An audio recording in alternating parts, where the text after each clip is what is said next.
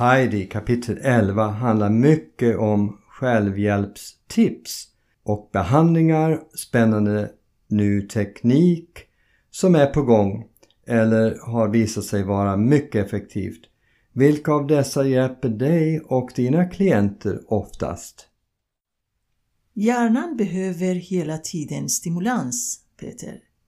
Det vet vi sedan länge. Ju mer stimulans ger vi hjärnan, desto bättre. För mig som kallas för livslång student är ju väldigt lätt att vara på gång eftersom jag sitter eh, och läser, lyssnar på nya forskningsintervjuer och eh, känner mig hela tiden uppdaterad mot forskningsvärlden är ju väldigt lätt och ge den här stimulansen.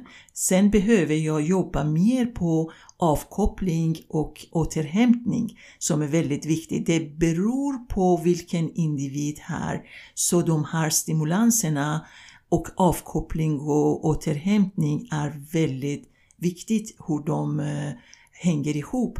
Och idag finns det många olika tekniker för att förbättra sin eh, kognitiv genom, speciellt efter 50 om man känner att man har börjat glömma här och var lite saker så kan man faktiskt börja med olika hjärnträningar till exempel eh, göra saker som med omvänd hand eller med omvänd ordning för att stimulera hjärnan eller börja lära sig nya språk eller spela schack eller olika saker som idag är ju väldigt man har väldigt mycket olika val av eh, hjärnträning och stimulans för sin hjärna. Och det i sig själv hjälper till att man bildar nya celler och det är precis vad vi behöver för vår hjärnhälsa. Peter, berätta gärna lite grann om hur eh, man kan stimulera hjärnan eh, genom olika övningar.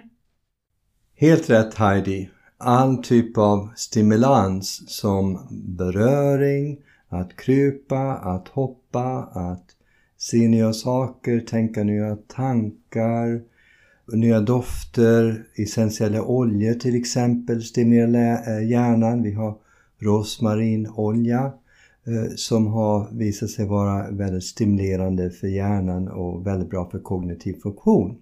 Sen har vi en av våra viktigaste föregångare vad gäller hjärnforskning och det är Dr. Daniel Amen som har gjort ungefär 150 000 SPEC-scans och han har alltså tittat på bilder på hjärnan av olika människor som har olika dysfunktioner och diagnoser och så vidare. Och han har ju sett hur de kan förbättras. Även bilden på hjärnan med SPEC-scan kan förbättras med olika kombination av stimulerande aktiviteter. Hans favorit är ju då bordtennis. Så bordtennis, tennis, badminton, sådana här aktiviteter, då måste man tänka blixtsnabbt hela tiden. Man måste röra på kroppen och tänka och röra och ha reflexerna. Så att allt det du stimulerar reflexer och balans är fantastiskt bra för hjärnhälsan. Speciellt när man blir lite äldre. Då, då minskar man också risken från att ramla på vintern på isen och bryta sin höft till exempel. Plus att man håller hjärnan igång.